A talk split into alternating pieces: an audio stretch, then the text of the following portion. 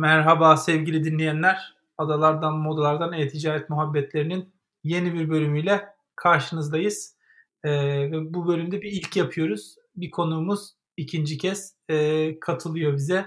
Ee, sevgili Mehmet Tüker, e, Joker, E-Ticaret Yöneticisi.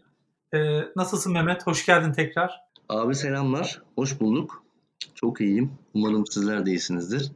Biz de iyiyiz. Süper. Çok iyi mi duymak önemli olduğu günlerdeyiz. Ee, niye Mehmet'i tekrar konuk aldık? Çünkü e, bir çok özledim Mehmet'le sohbet etmeyi. Sektör nereye gidiyor ondan şeyler öğrenmeyi e, çok ihmal ettiğimizi konuşuyorduk öncesinde bir kısa sohbet ederken. İkincisi de e, her ne kadar artık e, normale dönmeye çalışsak da dünyada e, çok büyük bir pandemiyi geçirdik. Ben de bu dönemde sık sık yapıyorum ki podcast kayıtlarını her sektörden farklı farklı e, ticaret yöneticileriyle konuşalım. Kim neler yaşadı sıcağı sıcağına bir konuşalım, dinleyelim. Hem de geçmişe notlar bırakalım ileride biz dinleyecekler için diye. O yüzden bir daha konuk olmasını rica ettim Mehmet'ten. Benim için de çok büyük keyif abi senin podcastlerine e, katılmak. Son zamanlarda ben de ciddi podcast tüketiyorum. E, ama çok keyif aldığım podcasterlardan biri olarak senin de konuğun olmak benim için ayrıca büyük keyif. Eksik olma, eksik olma.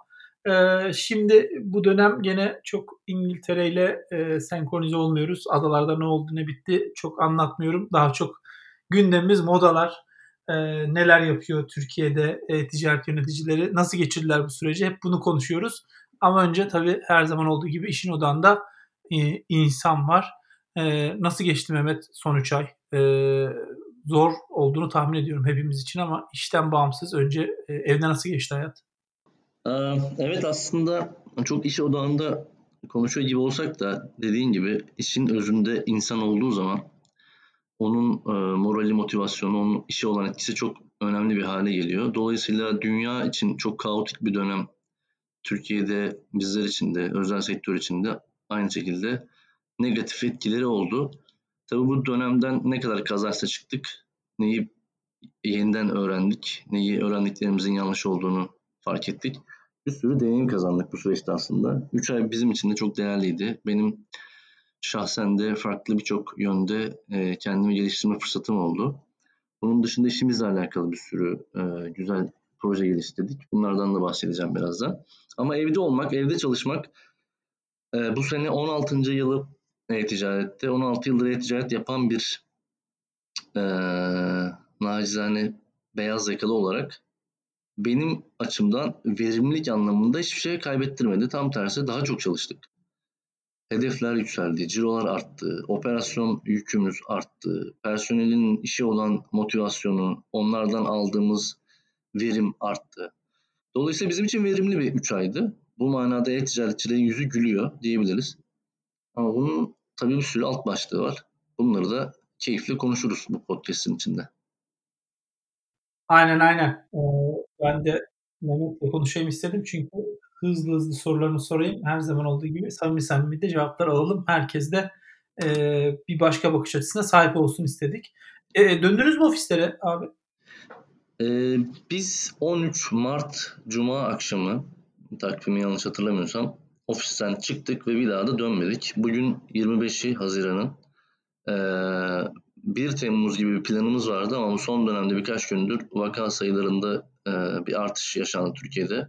Dolayısıyla yatırımcımız da genel müdürümüz de bu konuda çok hassas. Onun takvimini 15 Temmuz olarak revize ettik. 15 Temmuz'a kadar evdeyiz.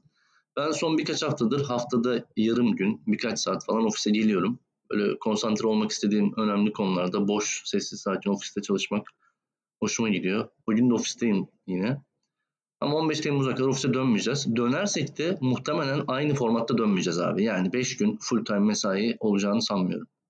Yani haftada bir gün, iki gün dönüşümlü ekipler olacak diye tahmin. Ofissiz yaşam diye bir şey var artık yani günümüzde. Bu freelancerların uzun yıllardır yaptığı birçok danışmanın e, evden çalıştığı operasyonu biz döndük. Ama biz buna çok hazırmışız onu fark ettim. E, biz bunu zaten yapabilirmişiz.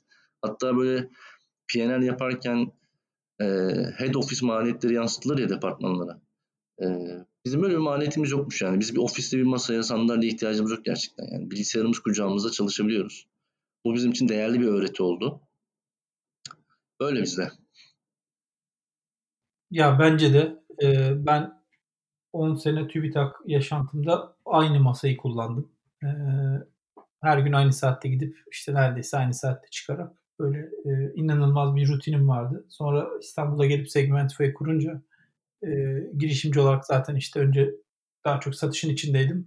Neredeyse hiç ofise gitmedim. İşte bir sürü farklı ofisimiz oldu hızlandırıcılarda vesairelerde. Sonra işte bir tane en son e, gelmeden bir sene önce koşu yolunda küçük bir e, dubleks dairede bir ofis tuttuk. Orada da böyle çok az gidebildim. Şimdi bir ofisimiz var. Ben taşınırken tam işte e, ciddi bir ofise geçmişti Segmentify. Ee, çok garip geliyordu o zaman ve geldiğimden beri de home office çalışıyorum İngiltere'de. Burada da bir ofis kurduk evet. Ondan sonra burayı da tam büyütüyorduk. Şimdi korona oldu. Yani açıkçası buradan bizi dinlemiyordur tabii ama yetkililere seslenemeyim. 70 milyon. Yani bir ARGE merkezi diye başımızda bir iş var. E, tabii ki çok büyük destek bizler gibi aslında yazılım üreten şirketler için. Ama bunun getirdiği gereklilikler sebebiyle ofise dönme durumlarımız oluyor. E, ama istemiyoruz biz de. Yani hem işte e, bu pandemi sağlık işi çok önemli bir taraftan. E, hem de yani gördük ki oluyor bu iş gitmeden de ofise. Ve evet. e, İstanbul gibi muazzam büyük bir şehirde neredeyse günde en az iki saatini insanların yolda geçirdiği, yorulduğu bir süreçte evet. Evet. de çok arttığını gördük. İnsanlar dışarı bir çıkabildiği zaman Mehmet bence evde geçen süre çok verimli. Evet. Yani e, o yüzden keşke böyle zorunluluklar olmasa ve bu yeni normal e, hepimiz için böyle bir avantaj getirse diyeyim. Ama bir taraftan da bununla şeyin pasını atayım sana. Bir de tabii fiziksel mağazalar var aslında. Şimdi hazır işte bizim ofislerden bahsetmişken evet. kaç mağaza vardı abi Joker'in? Var yani vardı derken. Şimdi Joker artı Sobe bizim 70 plus mağazamız var. Ee, farklı farklı konseptlerde işte eğlence odaklı olan jetonlu makinelerin olduğu mağazalarımız var. Full bebek ürünleri satan, bebek oyuncak beraber satan ya da sadece oyuncak satan ya da sadece tekstil satan 70 aşkın mağazamız var. Bunlar da İstanbul'un önemli lokasyonlarında. Ee, pandemi döneminde mağazaları kapattık. Yani AVM'ler kapandı biliyorsun. Cadde üstü mağazalar kapattı birçoğu. Ama bizim sorumluluk duyduğumuz anne, hamile, lohusa bir kitle olduğu için onlara karşı e, bilinçli bir perakendeci olarak nöbetçi mağazalar açık tuttuk bu dönemde. Elbette gereken güvenlik önlemlerini alarak hijyenik koşullarda. İşte günde bazen 6 saat çalıştırdık, bazen 3 saat, bazen 10 saat. Ama cadde üstü mağazalarda giriş çıkışı kolay olan e, mağazalarımızı hep nöbetçi olarak çalıştırdık. Yani hiç e, sokağa çıkma yasağının olduğu günler haricinde mağazalarımızı kısmen açık tutmaya çalıştık. Yani bu 70 plus mağazası olan ve cirosunun çok önemli kısmını offline'dan getiren bir perakendeci için bu gelirden feragat etmek gerçekten çok zor. Birçok perakendeci zaten biliyorsun Türkiye'de e, çok zor durumda. Öyle. Evet. Bütün dünyada. Evet. Peki. E, tabii gene ama bu nöbetçi mağazalar e, talebi karşılayamamıştır diye tahmin ediyorum. O yüzden e, online'a büyük bir kaymanın olduğunu düşünüyorum. Görüyorum zaten e, de bir taraftan. Peki sizin tedarik süreçleriniz nasıl etkiledi bu online tarafı konuşursak? Yani şey biliyorum sen hala Joker içinde o kadar önemli bir rolün var ki Mehmet hem sevdiğin içinde e, offline tarafta da çok şeysin ilişkilerin güçlü işte o tarafında içindesin ama biraz online şapkasıyla konuşursak e, online'a kayış ne kadar oldu? Ne kadar etkilesizlik? Yani tam aslında kafamdaki soru, soru şu. Ya kaçıncı günün sonunda e, şeyler mağazalar kapandıktan sonra kaçıncı günün sonunda normale dönebildiniz birazcık? Yönetebildiğini hissettin tedariği vesaireyi. Ee, aslında şöyle abi çok kontrolsüz bir büyüme oldu bizde hacimsel olarak. Yani bir birim iş yapıyorken beş birim iş yapmaya başladık. Ee, yani Mart ayının son 15 günü Mart ayının ilk 15 günün 3 katı falan iş yaptık. Nisan itibariyle zaten bu yılın en yüksek e, rakamını yaptık. Mayıs onun üzerinde oldu. Haziran'da bir tık daha e, sakinledik. Ama bu e, kar topu gibi bir etki yarattığı için ve bizim gibi böyle yatırımcı tarafından yönetilen bir şirkette her şeyin forecastleri, bütçeleri, adetleri belli. Şimdi biz third party bir depoyla çalışıyoruz yapıyor. Diyoruz ki ben bu ay sana atıyorum 100 bin sipariş yollayacağım. ortalama işte 3 adet üründen 300 bin adet ürün çıkaracağım diyorum ve bu adamlar da kaynakları buna göre planlıyorlar. E siz daha birinci günden olması gerekenin 5 katı iş götürürseniz elbette karşılayamıyorlar. Bu karşılayamama işte kar topu etkisiyle bir sürü şeyi etkiliyor. Bir kere en başta müşteri mağdur oluyor. Çünkü müşteri Joker'in hizmet kalitesine alışmış. Siparişi veriyor aynı gün. En geç ertesi gün. O da en geç yani. Kargoya veriyoruz. Akışlar çok sağlıklı. İşte siparişiniz alındı. Hazırlanıyor. Kargoya verildi. Teslim edildi. Teslim edildi hadi gelin şimdi yorum yapın. Ürünü değerlendirin falan filandan 3 gün, 4 gün, 5 gün, bir hafta ürünün çıkmadığı senaryolar yaşadık yani bu dönemde. Bunlar bizim için muazzam kötü kayıplar. Ki sadece bizimle alakalı değil. Kargo şirketleri büyük sıkıntı çekti. Yani hem sıkıntı çektiler bize de yansıttılar. Biz de müşterilere yansıtmak zorunda kaldık. Yani kapasite diye bir şey var Türkiye'de artık. Birçok e-ticaret firmasının büyük yükünü taşıyan firmalar kapasite. Adam diyor ki mesela ben her gün o adama 5000 sipariş veriyorum örnek veriyorum. Adam diyor ki abi ben senden yarın itibariyle 2000 siparişten fazla alamam. Yani açığı düşünebiliyor musun abi? Benim 3000 siparişim backlog olarak bekliyor içeride. Sonraki gün veriyorum. O backlog daha da büyüyor, daha da büyüyor. Bir anda bir hafta, 8 gün, 9 gün, 10 gün geriden gidiyorum. Ne yaptık bu dönemde? Third party depoyla oturup yeni bir hızlıca forecast planladık. Kaynak artırdık. iş modelimizi değiştirdik. Bu başlı başına bir podcast konusu bence yani third party depo yönetim süreçleri. Ama yani bu adamlara öyle güzel planlamalar yapmak lazım ki onlardan gelen maliyetleri PNL içerisinde lojistik kostu öyle güzel hesaplamak lazım ki yarın bir gün patlamayalım. Çünkü bizim reseller olduğumuz için abi sürekli karlılık odaklıyız. İşte 1 lira geliyor bunun 0.20'si şuraya 0.20'si buraya dibinde EBITDA'yı konuşuyoruz. Ama lojistik kostlar bu kadar yükselirken, kargo maliyetleri yükselirken böyle şeyleri e, temiz göstermek, çıkarmak da çok zor. Dolayısıyla çok hızlı hareket al, aksiyon almamız lazımdı. Depoyla oturduk, yeni bir plana geçtik. Hemen hızlı iç, içeri iki tane yeni kargo firması entegre ettik. Çünkü mevcut kargo firmalar taşıyamıyor. Paylaştırmam lazım daha çok kargo firmasıyla. Aynı gün teslimat bizim çok sevilen bir yöntemimizdi. Bunun için içeri yeni bir firma daha dedike ettik. Aynı gün teslimat hizmetinin fiyatını artırmak zorunda kaldım. Yani talep o kadar yüksek ki fiyatı artırarak ancak onunla baş edebildik. Çünkü ben şey demek istemiyorum yani artık artık aynı gün teslimat yok demek istemiyorum. Fiyatını bir tık artırdık ki talep azalsın diye. Bu da istediğimiz gibi olmadı. Oraya yeni bir firma daha koyduk. Ee, yani bir şekilde abi iyi yönettik şu dönemde ama neler yaptık neler. Ha, tık, bir tık bununla alakalı bir soruya daha cevap vermiş olayım. Şimdi biz Türkiye perakendecileri olarak mağazalarımızı yeterince e, mağaza envanterini kullanamıyoruz. Bu dönemde işte bunu çok hızlı fark edip bir aksiyon aldık. E, hub depo projesi yaptık. Bu ne demek oluyor? E, sıkmak istemiyorum dinleyenleri ama bence çok, çok keyifli bir iş bu. Şimdi bizim normalde internet satışları nereye yürüyor? İnternet depoya yürüyor. Yani internette 10 çeşit ürün, 100 çeşit stok var. Ama mağazalarda da e, internette olmayan bir kısım stok e, çeşidi ve bir yüksek adetli stok var. Şimdi benim mağazalarım kapalı olduğu dönemde bu en, envanter benim için maliyet. Bunları bir şekilde eritmem lazım. Biz hızlıca deposu olan büyük girişli araçların rahat girip çıkabileceği 5 tane İstanbul'da Türkiye'de mağazamızı internet depoya çevirdik. Sistem şöyle yürüyor. İnternetten alıyorum siparişi. İnternet deponun KPI'lerinin altındaysam internet depodan karşılamaya devam ediyorum. Ama üzerindeysem acilen o siparişi mağazaya yönlendiriyorum. Mağazaya yönlendirirken de şöyle bir yapı kuruyorum. Diyorum ki kaynaklarına göre en hızlı toparlayabilecek ve stoğu en uygun mağaza hangisi? Atıyorum Altunzade. Altunzade mağazaya düşürüyorum siparişi. Oradaki ekip benim eğitim verdiğim mağaza personeli aşağıda ürünleri depoda toplayıp, kolileyip, paketleyip, okutup kargoyu hazır hale getiriyorlar. Şayet ki o mağaza toparlayamadı diğer mağazaya, diğer mağazaya, diğer mağazaya.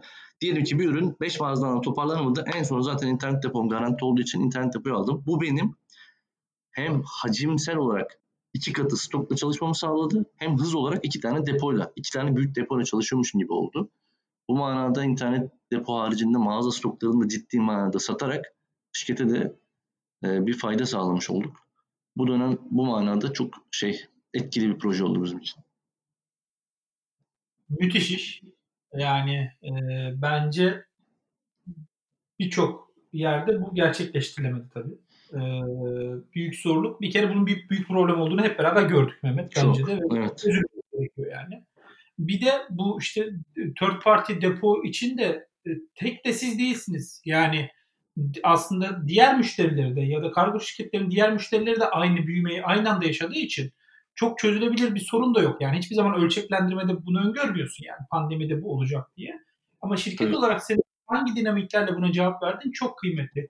Şimdi burada ben e, bir şeyi vereyim. Ben, ben çok şey öğrendiğim için Mehmet'ten çok eski tanıyorum ve çok uzun zamanlar konuşma şansımız oldu. E, süreci de yakından gördüğüm için işte bence Joker'in yaptığı en iyi şeylerden bir tanesi de bir oldukça uzun zamandır artık Joker'de Mehmet. Ne kadar oldu Mehmet? 5 sene oldu mu? Evet abi benim yaklaşık 5,5 sene 6 seneye yaklaşıyoruz.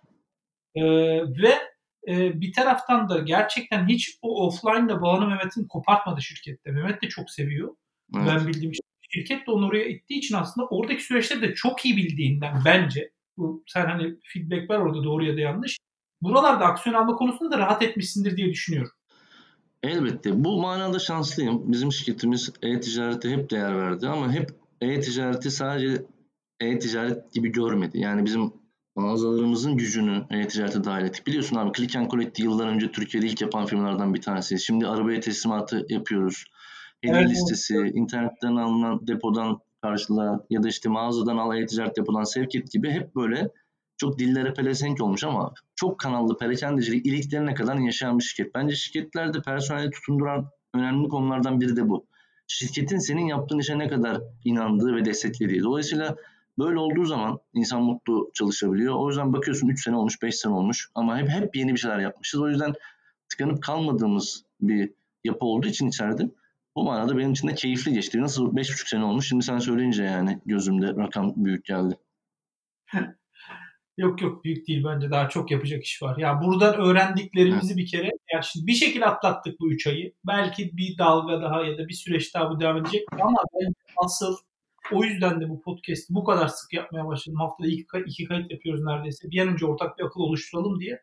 Biz hep beraber bu e, e-ticaret aslında ekosistemi, e-ticaret dünyası, camiası bir araya gelip buradan öğrendiklerimizi hayata geçirmemiz lazım artık. Evet. Ve hep şey biliyorduk. Geleneksel ticaret var. Hala kendimizi anlatamadık. Herkes bir şey olacağını görüyor ama güçlenmiyoruz. Bu bir fırsat bizim için. Bir arada olup buradan öğrendiklerimizi çıkartıp e, hızlıca aksiyona dönüştürmemiz lazım. 2021 planlarına bunların artık böyle çok ciddi girmesi lazım. Özellikle bu mağazacılık tarafı güçlü olan e-ticarette yapan şirketler için diyeyim. Abi sana topu şeyle atacağım, soruyla atacağım. Ee, yoksa bunu çok konuşur dediğin gibi bu ayrı podcast konusu. Ee, şimdi ben kendimden biliyorum abi. Zaten 3 aydır evdeyiz. E, havalarda birden ısındı İngiltere'de bildi. ilginç bir şekilde. Ve evet. yani bize yaptığımız harcamalar gerçekten minimuma indi. E, aylardır. E, evet. E, zaten dışarı çıkamıyorsun. Yemek yiyemiyorsun. Temelde o zaten gene ihtiyacın. Giyim, kuşam hiçbir şey almıyoruz hanımla kendimize. Evet. Ama ya, oğlan 8 yaşında durmuyor adam. Biz büyümüyoruz artık ama onlar büyüyorlar. Ve evet. hani şimdi Joker dikeyinden düşündüğümde daha da aşağı gidelim. 0-3 yaş, 3-5 yaş daha hızlı büyümeler var orada. Bir şekilde şey diyemiyorsun yani ben bu çocuğa bunu almayayım, harcamamı kısayım ya da aklına gelmiyor nasıl olsa evdeyiz olmuyor. Küçük geliyor çünkü çocuğa evet, bu. Evet, evet. Yani e, peki hani bu bizdeki modanın kişisel olarak benim gördüğüm şeyin modadaki e, hacmin düşüşünü yani aslında online arttı evet ama sadece offline'ların kapanmasından arttı. O kadar büyük bir hacim görmedik araştırma sonuçlarını bütün dünyada ben de nacizane bir müşteri olarak görebiliyorum evet. Peki bebek giyim kısmında da e, biz bu şeyi gördük mü abi etki? Yani insanlar giyimden de kıstılar mı bebekte? Daha net ya şimdi bizim agresif bir büyümemiz olduğu için biz bütün kategorilerde büyüdük ama spesifik e, var kategorilerimiz. Şimdi öncelikle pandeminin ilk günlerinde FMCG ürünlerinde muazzam bir talep patlaması yaşandı. Stoklu alım. Yani bez, mama, ıslak mendil, şampuan, e, krem bilmem ne bu gibi ürünlerde muazzam talep. Abi yani sepet içi ortalamalarına falan bakıyorum. Yani adamlar inanılmaz tükettiler ürünleri. Sonra Stok bu, mu? Stoklu yani, alım. Tabii tabii. Korkudan, o korkunun Korkudan, getirdiği. Aynen. Kesinlikle. Yani, bu, bu, bu Nisan ortası gibi kesildi. Yani o ilk birkaç haftalık korkulu aman yarın mal bulamazsam korkusu ki biliyorsun yani market rafları Avrupa'da bir Türkiye'de sağlam kalmış. Herkesin stokları hızlı tükenmiş falan. Bu da Türkiye'de bir şekilde tedarik zincirinin patlamadan çalıştığını gösteriyor kısmen. Ama Bizim FMCG muazzam agresif büyüdü. E, ilginç iki tane kategorim var bu konuda. Biri tekstil, ikincisi oyuncak. Tekstilde e, mağazaların kapanmasının çok büyük etkisi oldu e-ticaret satışlarının artışına. Ama tekstilde e, muazzam ürün sattık. Yani hala da öyle. Normalde yapması gereken yıllık ciroyu işte son 3 ayda yaptı tekstil kategorisi bizde. Yani e-ticaretin geçen sene yaptığı bütün ciroyu e, tekstil kategorisinde son 3 ayda yaptık. Yani muazzam bir büyümesi oldu. Bir de ikinci e, kategori oyuncak. İlginç. Yani o kadar e, oyuncak satışı arttı ki insanlar öyle tahmin ediyorum ki tabii bizim müşterilerimiz daha ziyade 0-4-0-5 yaş odağında olduğu için yani ev içi aktivite ürünleri muazzam talep gördü. Yani ev içinde oynanan oyuncaklar, işte ana kucakları, ilk yaş oyuncağı dediğimiz zeka geliştirici aktiviteler. Yani insanlar elbette çocuklarına, bebeklerine çok daha kaliteli zaman geçirme fırsatı buldular. Bu manada bu ürünler bu alt kategorilerde ciddi satış gördü. Yani FMCG dışında tekstil ve oyuncak diyebilirim. Hatta bebek arabası otokoltuğu gibi daha seyahat odaklı ürünler daha az sattı mesela. O da bir gerçek. Güzel nokta dışarı, aslında. Dışarı çıkmadığı için insan yani tabii ki. Evet, evet normal. Ee, Watson's'tan e, Şervan'la da konuşurken e, yani gerçekten fotoğrafını çekiyoruz. Görüyoruz aslında psikolojik olarak insanların nasıl geçirdiğini bu süreci. İşte ilk bir ay orada işte önce kolonyaların ortaya çıkması vesaire. Ondan sonra sonra insanların yavaş yavaş kişisel bakım, sonra işte saç boyaları e, ile hani normale dönüşleri hissetmek.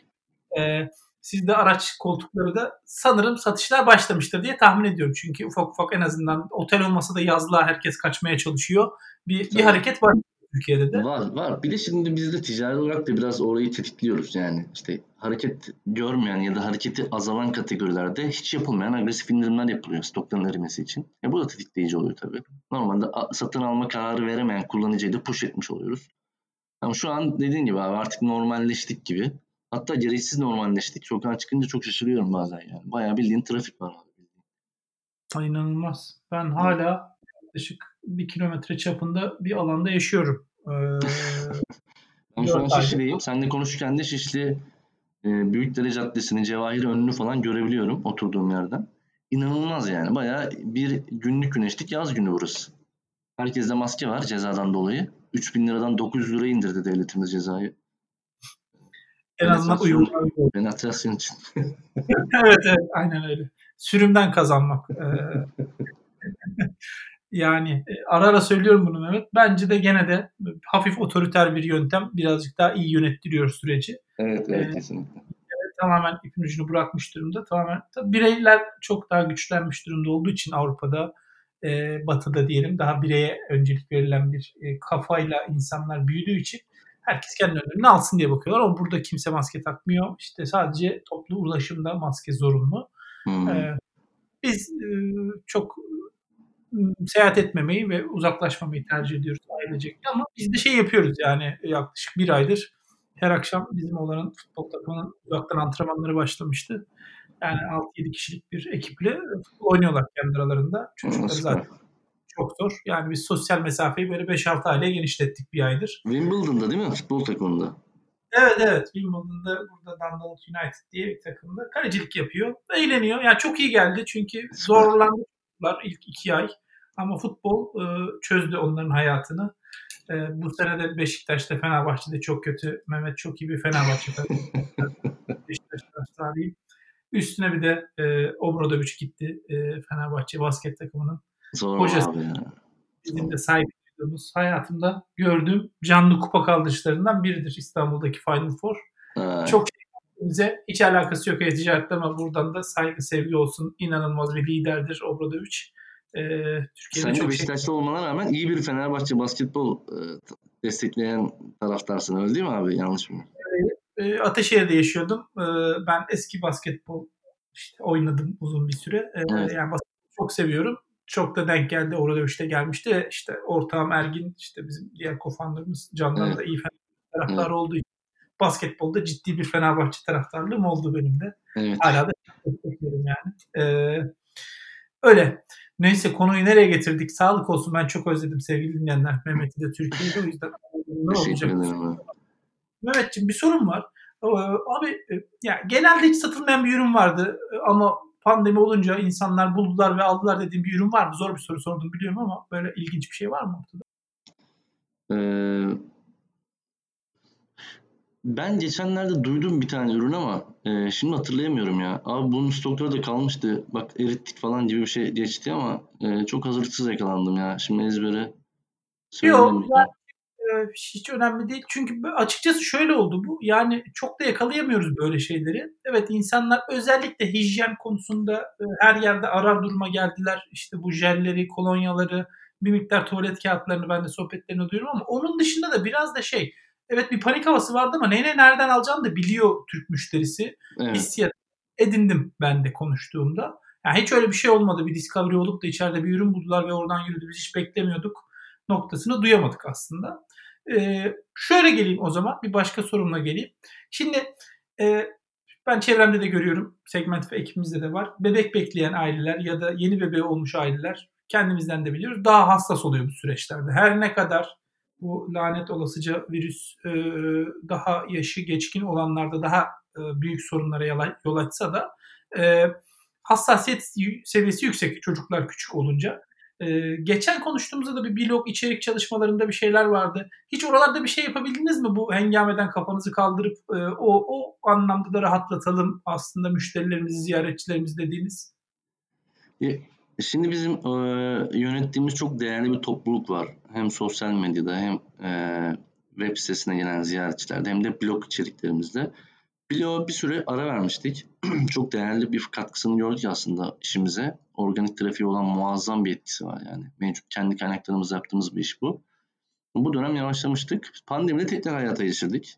Ee, içeriklerimizi daha ziyade Buna özel seçtik. İşte evde ne gibi aktiviteler yapılabilir, evde keyifli zaman geçirme süreçleriyle alakalı oyun önerileri vesaire bir planlamamız oldu. Ama biz blogdan ziyade sosyal medyada daha çok yaptık. Yani bunu işte bugünün aktivitesi, bugünün işte fikri, işte korunmak için neler yapmak lazım. İşte daha ilgi çekici böyle e, bebeğinizi ve kendinizi korumak için 10 altın öneri falan gibi daha ziyade böyle bilirsin daha önce de anlatmıştım sana. Bizim mobil uygulamamız var ve mobil uygulamamızı e-ticaret uygulamasından ziyade annelere kılavuzluk etsin diye daha güçlü bir hale getirdiğimiz bir uygulamamız var.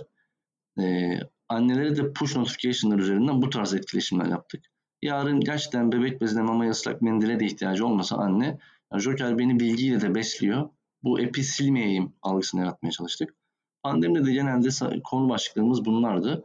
Faydasını da gördük. Ee, işte bu dönem hijyen ürünleriyle alakalı hediye gönderimleri, ihtiyaç sahipleriyle alakalı birkaç çalışmamız oldu.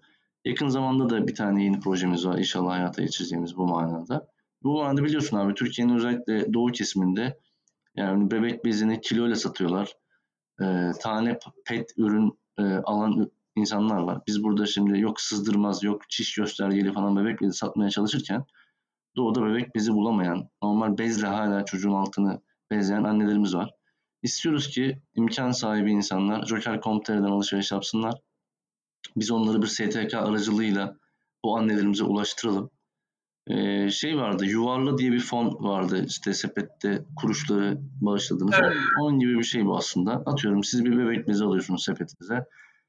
İşte diyoruz ki e, bu ürünlerden istersen 3 üründen ikisini bu ihtiyaç sahibi annelere gönderebiliriz diye çok değerli. Yani mesela askıda bebek bezi gibi bir proje ama daha kapsamlı, genişmiş bir proje. Buradan da ön bilgisini vermiş olayım. İnşallah yakın zamanda hayata geçireceğiz. Bu tarz aksiyonlarımız oldu.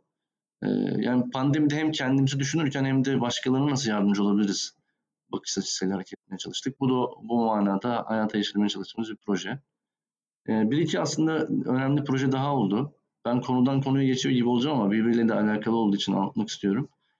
E, mağazalarımızı açmak zorunda kaldık. Aslında biz 1 Haziran'da açabilir e, durumdaydık. E, AVM'lerde açılma kararı verdi ama bizim mağazalar açmamız 10'unu geçti. Hatta 15'ine doğru açtık.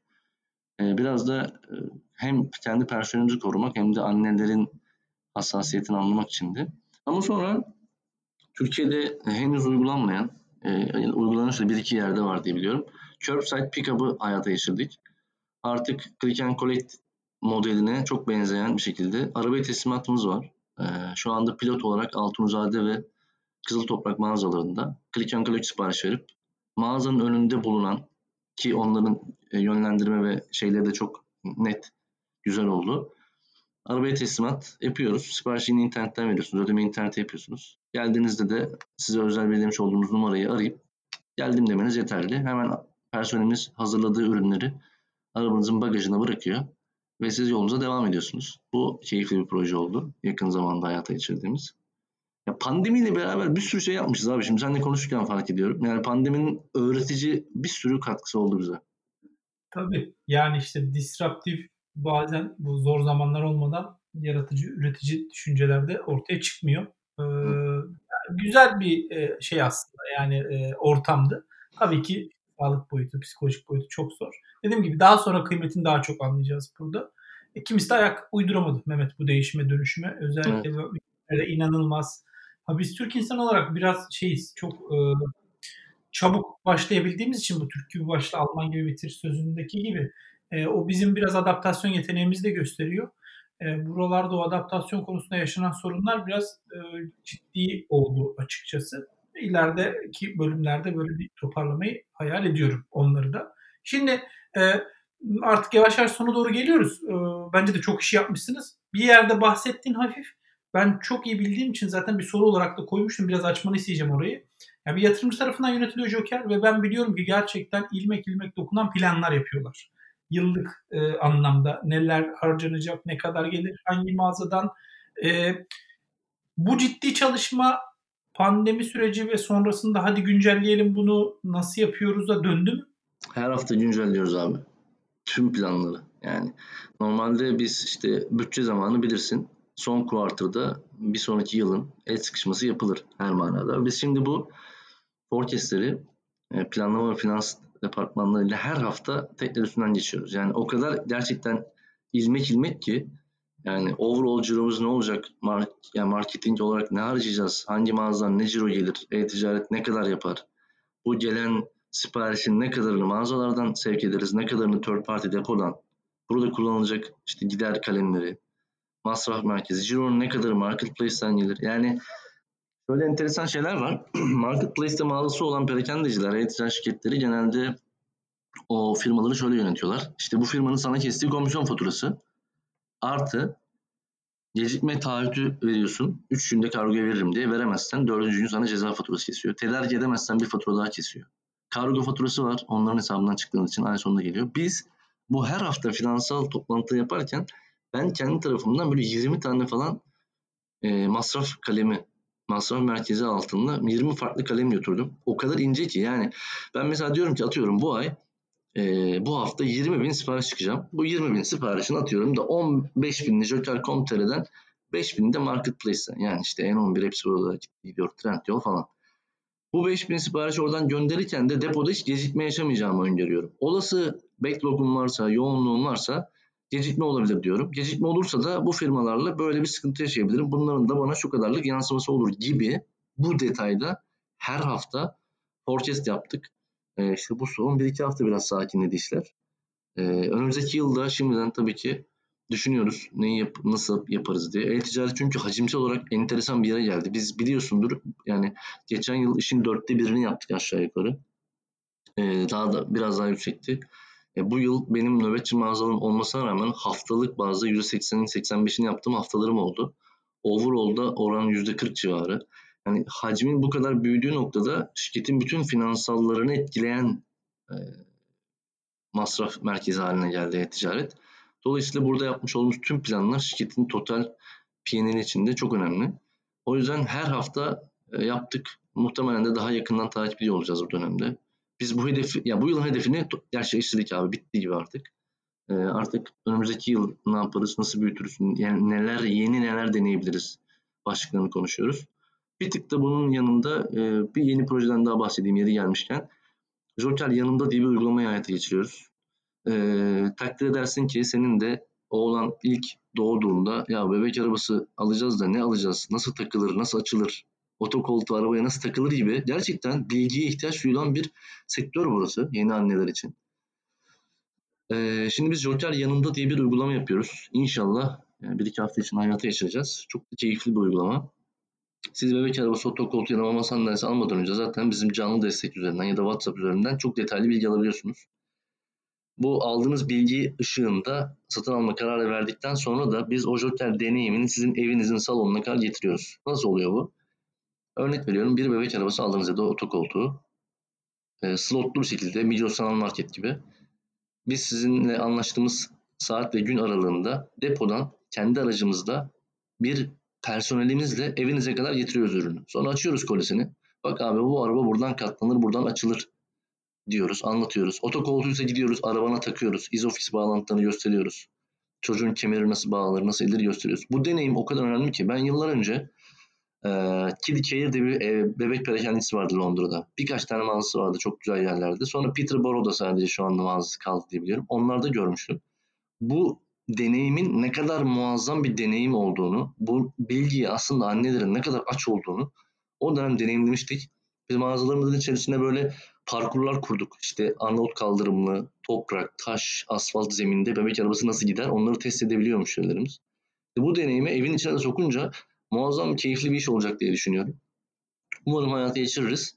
Bu da böyle anlatmak istediğim 2020 planlarında olan ama bu yıl hayata geçirmek zorunda kaldığımız, hızlandırdığımız bir proje oldu.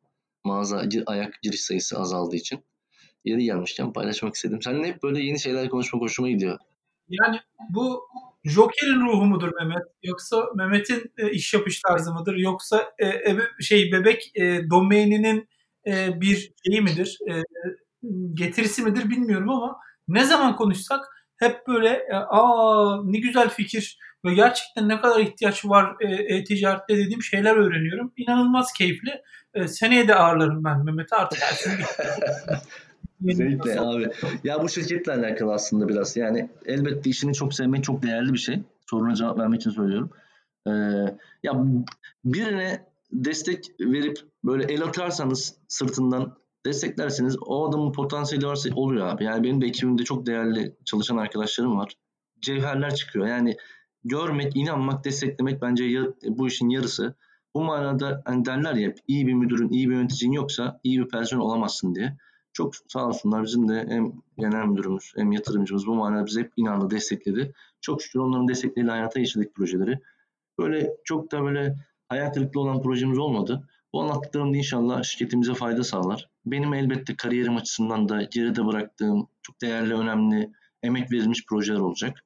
Artık bundan sonrası için kendi girişimimde mi başka profesyonel işlerde mi işime yarar bilmiyorum ama zaten dediğim gibi yani bunlar olmasa abi bu şirketlerde çalışmanın bir manası yok. Yani biz sabah 8'de yani akşam 6'da git insanı değiliz. Bilgisayarımızı kapatmıyoruz. Yani, yani çok da nerd değiliz elbette ama hani yeni bir şeylerin heyecanı bizi ayakta tutuyor. Yani bu motivasyonumuzu sağlıyor. Ona da cevap vermiş olayım abicim. Yani tanışmadıysanız henüz Mehmet'le o yeni bir şeyleri duyduğundaki gözündeki ışık çok etkileyici. Yani ben e, e-ticareti e, öğrendiğim insanlardan biridir. Ben Estağfurullah. Estağfurullah. E, bu sohbetler çok kıymetli benim için. Zaten fikir de oradan çıktı adılardan modalardan. Madem ben geldim buraya başka bir işin peşindeyiz ama koparmayalım bu bağı en azından bu sohbet ortamı olsun diye. Şimdi tabii şeyler de oluyor Mehmet. Hiç yüzde tanışmadığım e, e-ticaret yöneticileriyle yapıyorum podcast'i. Onlar da inanılmaz güzel oluyor ve iyi ki devam ediyorum diyorum açıkçası.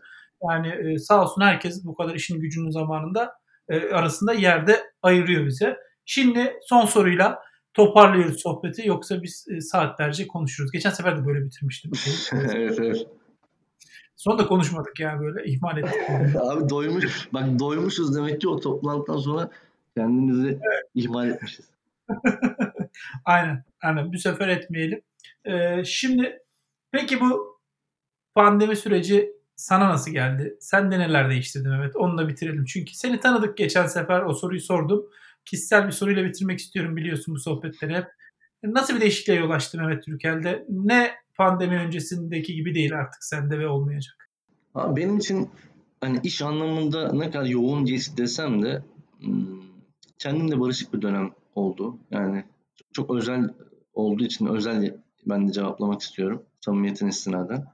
Yani insanın kendine gerçekten kaliteli zaman ayırabildiği, kendini dinleyebildiği, her gün iki saat trafik çekmediği, işte e, ailesiyle daha yakın zaman geçirebildiği bir dönemdi herkes için. Benim için de bu anlamda keyifli oldu. Ben motivasyonumu çok net nasıl sağlayabileceğini bilen bir insanım. Yani atıyorum bisiklete biniyorum, fotoğraf çekiyorum işte.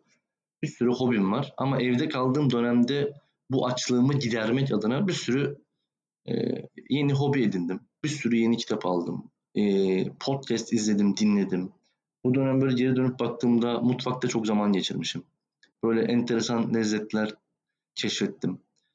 Ee, Arzu haftada iki gün, üç gün ofise gidip geldi son iki ayda. İşte kahvaltı sofraları, salatalar vesaire biz oğlanla hep kendimizce yeni bir şeyler denedik, yaptık. Bu dönem ee, Serdar Kuzuloğlu'nun yeni bir e, podcast serisi vardı. Aynı zamanda YouTube'da da yayınlıyor. Dinlemediysen tavsiye ederim. Dinledim.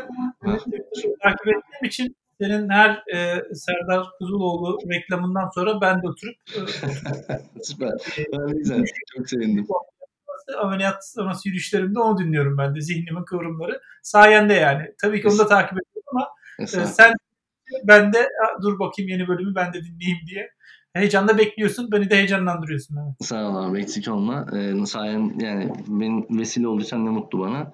Bunun dışında dedim ya şöyle söyleyeyim abi. Bu stresli yoğun iş hayatında dediğim ya daha önce de konuşmuştuk. Bir şeylerden benim motive olmam lazım. Yani bizim çok enteresan zevklerimiz yok hayatta. Yani ben ormanda iki saat bisiklete binmekten mutlu oluyorum. Yani arabayla bir saat bomboş yolda araba sürmekten, zihnimi dinlendirmekten keyif alıyorum.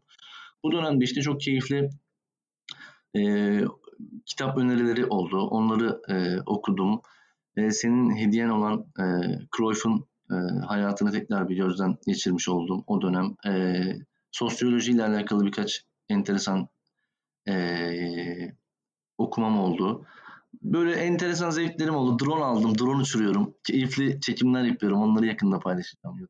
Ee, böyle dinle, kendime döndüğüm, sakinleştiğim, e, benim stres kaynaklarım daha ziyade şeymiş abi. Yani iş toplantıları, trafik, çocuğu getir götür indir kaldır, giyin, hazırlan, ütü bilmem ne falan gibi böyle enteresan hayat e, telaşesinde beni yoran şeyler bunlarmış. Bu manada ruhumla alakalı dinginleştiğimi söyleyebilirim. Çok da uzattım. Özetle böyle abi. Yok estağfurullah. Keyif ile e, dinledim ben. Zaten burada da şey yapmaya çalışıyorum. Unutmayalım ki bu podcast önce Mehmet Türker sonra Joker podcast'i. Biz e, o pencereyi de açabilen için içeriği görmek istiyoruz. E, çünkü bunlar az paylaşılan şeyler, az konuşulan şeyler. Benim dünya görüşüm böyle. Daha çok insanları anlamak üstüne kurulu. Daha kişileri anlamak, değerli kılmak üstüne kurulu. O yüzden istiyorum ki konuklarım da paylaşsın. Sağ olsun her gelen de açıyor dünyasını. Bence de çok kıymetli şeyler. Ne güzel o dinginliği duymak bana da huzuru verdi. Umarım hepimiz daha dingin, daha huzurlu, iç huzuru bulmuş bir hayatı yaşayabiliriz. Çok teşekkür ederim Mehmet. Ee, her zamanki gibi çok keyifliydi. Çok özlemişim sohbet etmeyi de. Ee, çok güzel şeyler de öğrendim. Umarım dinleyenler için de faydalı olmuştur. Abi umarım öyle olmuştur. Ben de seninle her daim sohbet etmekten çok büyük keyif alıyorum. Bu podcastlerde buna vesile oluyor. Ne güzel. Bu yıl gelemedik ziyaretine pandemi dolayısıyla. Yoksa Nisan'da yanındaydım. Artık seneye inşallah. İnşallah. Teşekkür ederim. Çok değerli vaktini ayırdığın için. E, ben de konuk olmaktan çok büyük keyif aldım. Dinleyen herkese de şimdiden teşekkürler.